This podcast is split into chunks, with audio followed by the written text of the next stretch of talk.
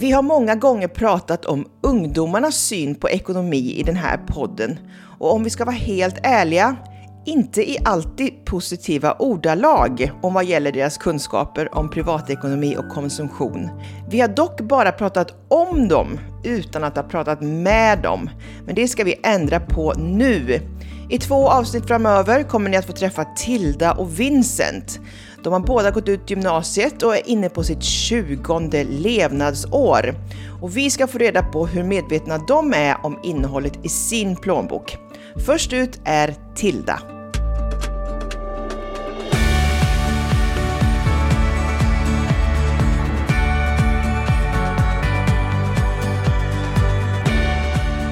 Hej Tilda! Välkommen till Shoppa Lagom. Hej, tack så mycket. Du, kan du beskriva lite hur ditt liv ser ut nu efter gymnasiet? Jag jobbar på förskola. Är glad att jag har fått ett jobb. Ja, det Faktiskt. förstår jag. Ja. ja, spånar inför framtiden. Har lite sån här mellantid eller vad man ska kalla det. Inte så mycket mer. Är med kompisar och familj. Fokuserar på det. Och du bor fortsatt hemma? Jag bor eh, lite 50-50 hemma hos mamma och pappa och hos min pojkvän. Ja, okej. Okay. Ja, så bra. Ja. Du har dubbelt boende. Ja, precis. Alltid någonstans att bo. Hur mycket jobbar du på eh, dagiset? 100 eh, procent. Ja, du gör, gör det? Mm, så det är väldigt tacksamt. För som sagt, ni gick ut förra året. Det var inget studentfirande då på grund av covid antar jag. Precis, precis. Hur lätt eller svårt var det att få det här jobbet? Ja, lite tur men också att man direkt efter gymnasiet söker alla annonser och alla jobb man kan hitta. Mm. Och sen går på alla intervjuer man får. Och sen så får man se sen då vilka man får och vilka som passar. Ja, det var ju genomgångar och intervjuer, mycket folk att träffa och innan sådär men eh, ja, det gick till slut. Jag är tacksam för det. Stort mm. grattis! Hur lång tid tog det innan du Tack. fick jobbet? Eh, I september fick jag det. Mm. Så jag fick ha ett sommarjobb direkt efter. Och sen börja på hösten där med förskolan. Jaha, vad bra. Så du hade sommarjobb också då? Ja, precis. Mm. Men då får du ju en lön här nu då och du bor i princip, av i varje fall 50 procent hemma då. Ja. Behöver du betala något hemma? Eh, inte hemma, förutom ja, men det jag själv vill ha så att säga. Eh, men eh, annars så får man ju betala mat och toapapper och sådana där saker som man inte tänker på. Så jag är ändå, ändå glad över att jag faktiskt får prova lite både och nu. För hade jag bara bott hemma så då hade man ju inte flyttat hemifrån i första taget utan avvaktat lite. Men nu får man prova på både och. Mm. Kanske en bra mjukstart då, helt enkelt. Ja, verkligen. Och inte bara börja direkt utan faktiskt få prova på lite också. Ja. Men du, mm. hur var din ekonomiska uppfostran hemma? Ja, alltså aldrig något jättestort fokus på att eh, diskutera och prata om att eh, nu kan vi inte göra det här för att det här, utan mer så att eh, man ska planera inför framtiden. Eh, och har aldrig känt att jag behövt vara orolig, har alltid haft en trygghet. Eh, men också att eh, mamma har varit liksom, eh, nu gör vi en budget inför det här. Jaha. Bara, Jaha. Mer att för, för min privata, min egna skull. Men eh, ja, det löser sig ändå. Gjorde det. Ja. Gjorde hon budget för dina inköp eller var det för familjens eh, inköp? För, för mina, för, för mina inköp. inköp. Ja. ja. Eh, sen, det har inte alltid varit så strikt med att vi ska göra det, men det, när man blev äldre sen att för att få mig att, även om jag förstod för att få det här extra, Eh, att verkligen se det i siffror och att ställa upp liksom Excel-filer och det mesta så bara för att och sen men för att se, se liksom hur det ser ut. Mm. Fick du månadspeng eller barnbidrag i slutet eller, eller studiebidrag kanske? Ja, eh, studiebidraget fick jag ju plus ja, månadspeng då, kan man säga. Det var ju det man hade att röra sig med och då fick man ju planera ut efter det och mm. vad man skulle göra liksom. Så. Just det. Och hur var det med sparande och så då? Det var väl mer så att i alla fall under eh, gymnasietiden så det som blir över, det blir över. Jag var inte så fokuserad på att eh, verkligen lägga upp en budget och säga så här mycket ska jag spara varje månad. Eh, för att det var också mycket svårt att säga för att man levde så himla spontant, hittade på väldigt mycket olika saker och eh, då kände jag att jag var aldrig den som ville hålla mig till punkt och, och pricka liksom att eh, det här är liksom det är nu jag kan verkligen göra som jag vill mm. med de pengarna jag har. Så jag var inte så fokuserad på just exakt vad jag skulle spara. Om du till exempel ville köpa en ny iPhone, mm. hur gick du tillväga då? Då önskade jag mig i julklapp eller födelsedagspresent. Oftast att man eh, ville man ha något som kostar lite mer pengar så frågade man kanske både farmor, mormor, mamma, pappa, kan ni gå ihop till det här? Det var mer så man gick tillväga och sen så att man eh, la undan lite sådär små saker som man hittade ibland och fick fram lite extra pengar då och då. Ja.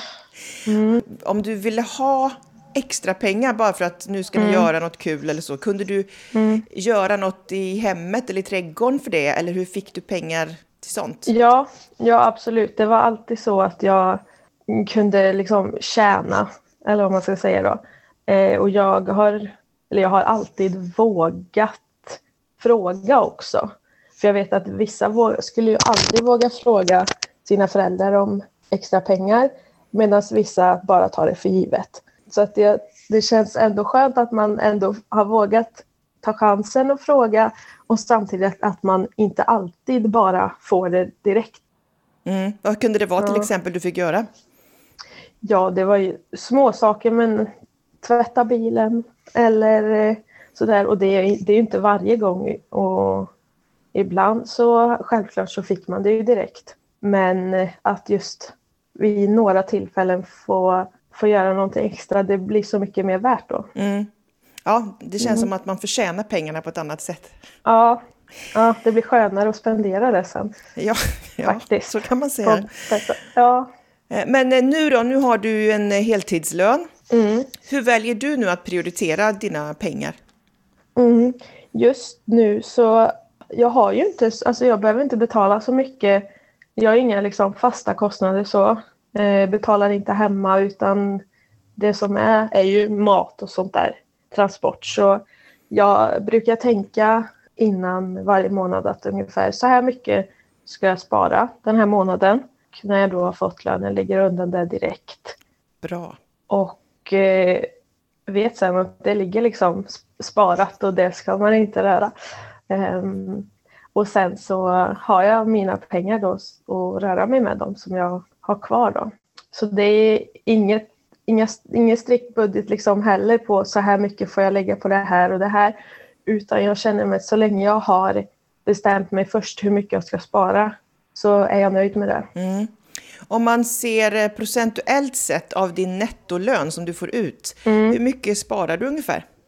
Fem, ja nästan 50 procent tror jag. Wow, det är ju jättebra. Mm. Passa på nu innan du får lägenhet. Ja, det är ju just det. Det är verkligen ta chansen här nu. De här pengarna som du sparar, hur sparar du dem? Mm. Just nu så sparar jag bara, eller bara och bara, men eh, i ett ja, men en privat sparkonto för tillfället. Mm. Jag har börjat spåna lite andra planer för det, men det, det känns, jag känner mig nöjd med det just nu. Ja, och vad är mm. det för planer du tänkt eh, på för framtiden? Lite att man kanske kan börja spara i fonder, men att man skaffar sig väldigt mycket information först och tar hjälp. Mm. Det mm. låter som eh, en mycket bra plan, tycker jag. Vad bra.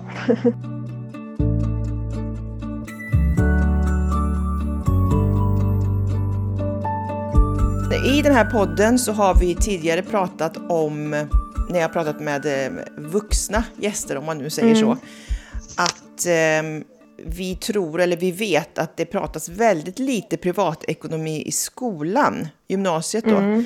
Håller du med mm. om den bilden eller är det någonting som vi har missuppfattat? på gymnasiet så gick jag ekonomi, men då företagsekonomi. Mm. Vilket jag verkligen kan relatera till då eftersom att det är, det är bara företagsekonomi. Nej, men okej, men då har vi rätt då, vi som har pratat i den här podden innan, att på Mm. gymnasiet så är det minimalt med privatekonomisk undervisning. Mm. Ja, och, och jag menar jag och eh, kompisar har faktiskt diskuterat att vi lär oss det här men vi vet inte hur vi ska hantera det här med vår ekonomi i framtiden. Så vi har varit inne på det spåret också, det vill jag säga. Jaha, vad intressant. Mm. Så, så hur pratar du och dina kompisar annars om pengar och sådär? Är de i samma situation som du är, det vill säga att de har jobb nu? Och... Ja, de flesta. Eh, och sen är det väldigt många som har börjat studera också direkt. Men det blir ju en helt, en helt annan diskussion med de som studerar för det blir så här, man ser olikheter och bara, bara av vad man lagar för mat på kvällen. Det blir såna, det är intressant nu när man har pratat med de som studerar eh, faktiskt att diskutera hur gör du med det här och jag har i alla fall frågat några att de har visat sin budget och så här, alltså deras planering inför månad och sådär. Och då, ja men det är intressant att se skillnaderna. Ja, det Mm. är ju så att eh, när man har studiebidrag, man kan ju knappast lägga undan 50 procent av det. Nej, precis. Så det blir en annan ekonomi och det ska jag prata med Vincent om i nästa avsnitt. Så det ska bli spännande. Men som sagt, den här podden handlar ju om att hitta sitt lagom vad gäller konsumtion. Men har covid påverkat din konsumtion?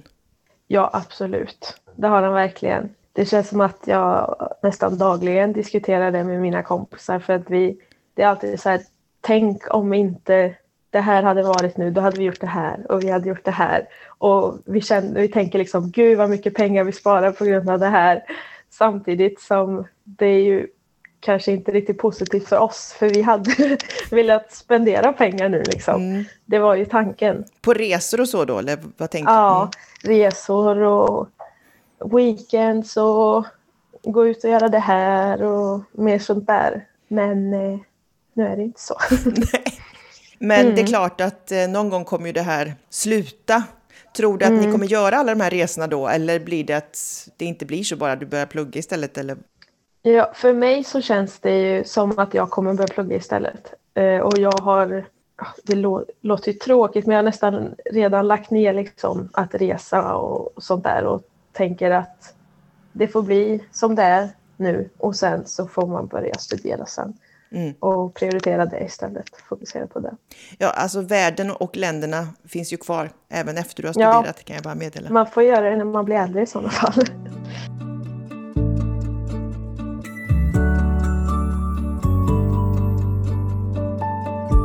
Vi har också pratat mycket i den här podden om influencers, om att Mm. de gör mycket samarbeten och uppmuntrar till ja, men konsumtion helt enkelt. Mm.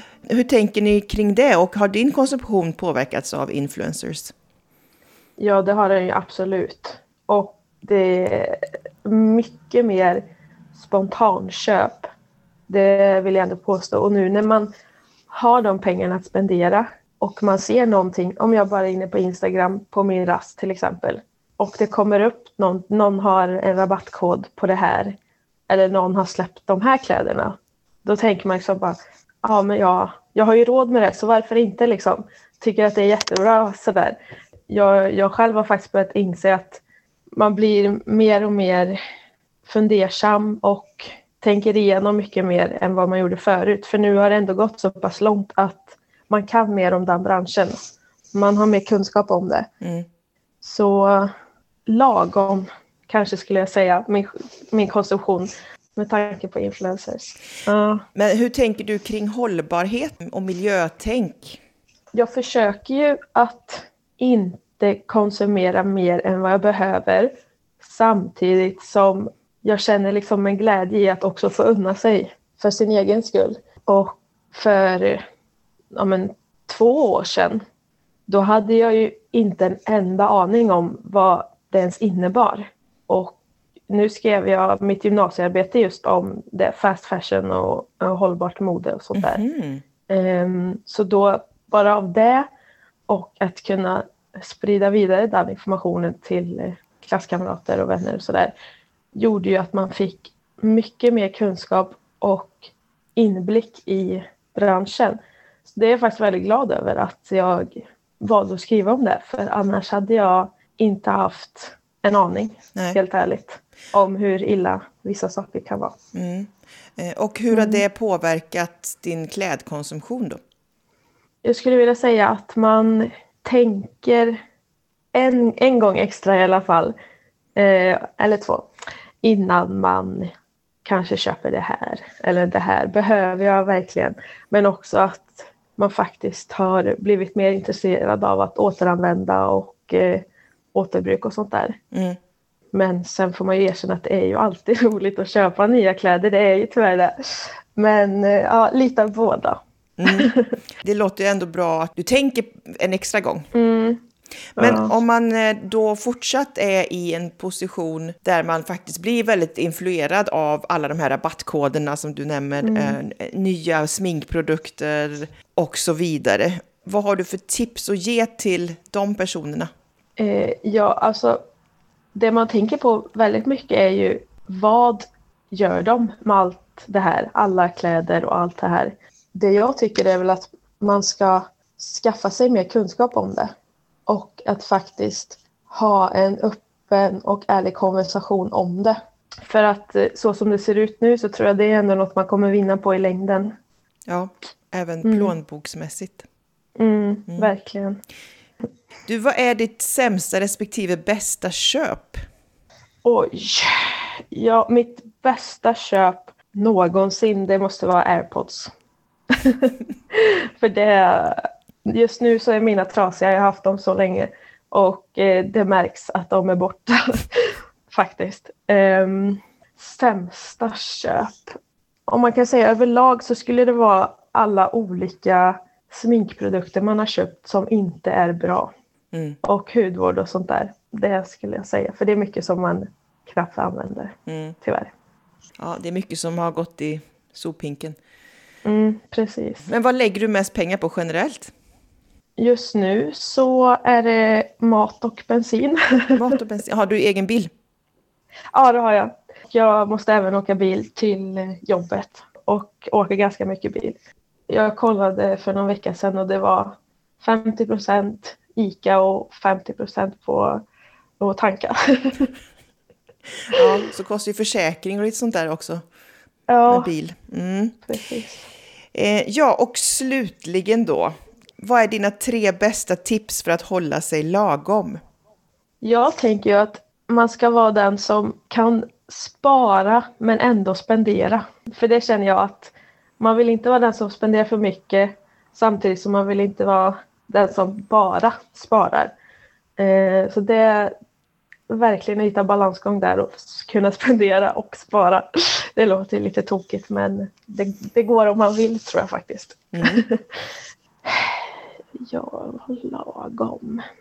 Ja men som sagt att faktiskt skaffa, skaffa sig kunskap och att visa intresse för eh, olika branscher och hur saker fungerar för att väldigt tillgänglig kunskap kan man ju komma långt med. Och tänka en gång extra. Mycket bra. Vad bra. Mm. Jag tänker när du själv sen blir lite äldre och eh, får ett jobb och sådär. Har du ens mm. börjat tänka på någonting med pensionsspar och sånt? Eh, faktiskt, jag tänkte på det här om veckan att gud, är, är det nu jag ska börja med mitt privata pensionssparande? tänkte jag, men sen så, eh, så tänkte jag att mm, får nog kolla upp det lite extra först. Så det, det tänker jag på, men eh, inte riktigt där än. Nej, det finns en eh, sån här tumregel man kan hålla sig till sen. Den kan ju mm. fluktuera genom åren, men det kallas för 50-30-20-regeln. Det går ut på att 50 procent av din nettolön ska gå till boende, mat, sådana saker som är nödvändiga. Mm. 30 procent, ja men nöjen, kläder, det du vill spendera på. Och 20 procent mm. ska gå till sparande. Så den kan du ta med dig. Mm, det ska jag göra. Det mm. låter bra. Men stort tack eh, Tilda och eh, lycka till med pluggandet när det väl börjar. Och lycka Ja, till då med att fortsätta göra din budget, även om pengarna kanske blir lite färre än vad de är idag. Precis. Tack så mycket! Tack, tack. För fler tips, råd och verktyg om hur du hittar ditt lagom, besök shoppalagom.se. Shoppa Lagom är ett initiativ av Alectum Group.